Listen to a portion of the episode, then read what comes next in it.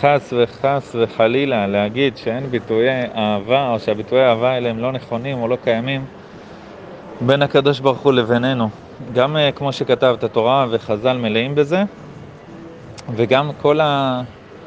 כל המהות של עם ישראל זה בנים אתם להשם אלוקיכם.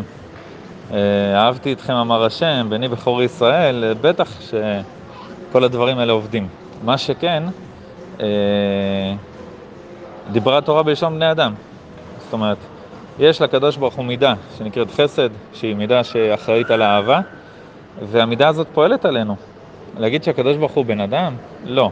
להגיד שהקדוש ברוך הוא אוהב אותנו כמו שאבא אוהב את הילד שלו, זה בשבילנו. אבל זה קיים. זה שזה בשבילנו ואנחנו משתמשים במילים שאנחנו יכולים להבין, זה לא אומר שזה לא קיים חס וחלילה. אז זה אלוקים, ויש לו מידת החסד, שהיא משפיעה אהבה, בטח ובטח לבנים שלו שזה עם ישראל, אבל גם לכל יצור בעולם. עכשיו, המחשבה היא הפוכה. זה לא שהקדוש ברוך הוא בן אדם, והוא אוהב אותי כמו שאני אוהב את הבן שלי. אצלי יש אהבה ביני לבין הבן שלי, בגלל שלקדוש ברוך הוא יש כל כך הרבה אהבה בשמיים, ומידת החסד בשמיים שהיא קיימת, ושם מושפעת האהבה לכל הבריות, לכן אצלי זה קיים, כי אנחנו עשויים כדוגמת מעלה. וכשחושבים בצורה הזאת, של לא מה שקורה למעלה זה כמוני, אלא ההפך.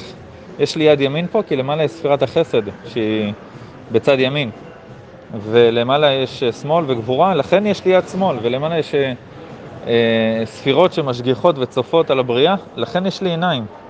ואז בעצם כשאתה עושה את התהליך הפוך, מסתכל מה קורה למעלה, ואז מבין למה אני נראה ככה פה למטה, יוצא שאתה מבין שהדברים האלה אמיתיים, ואתה גם לא גורם להאנשה של הבורא או של הספירות.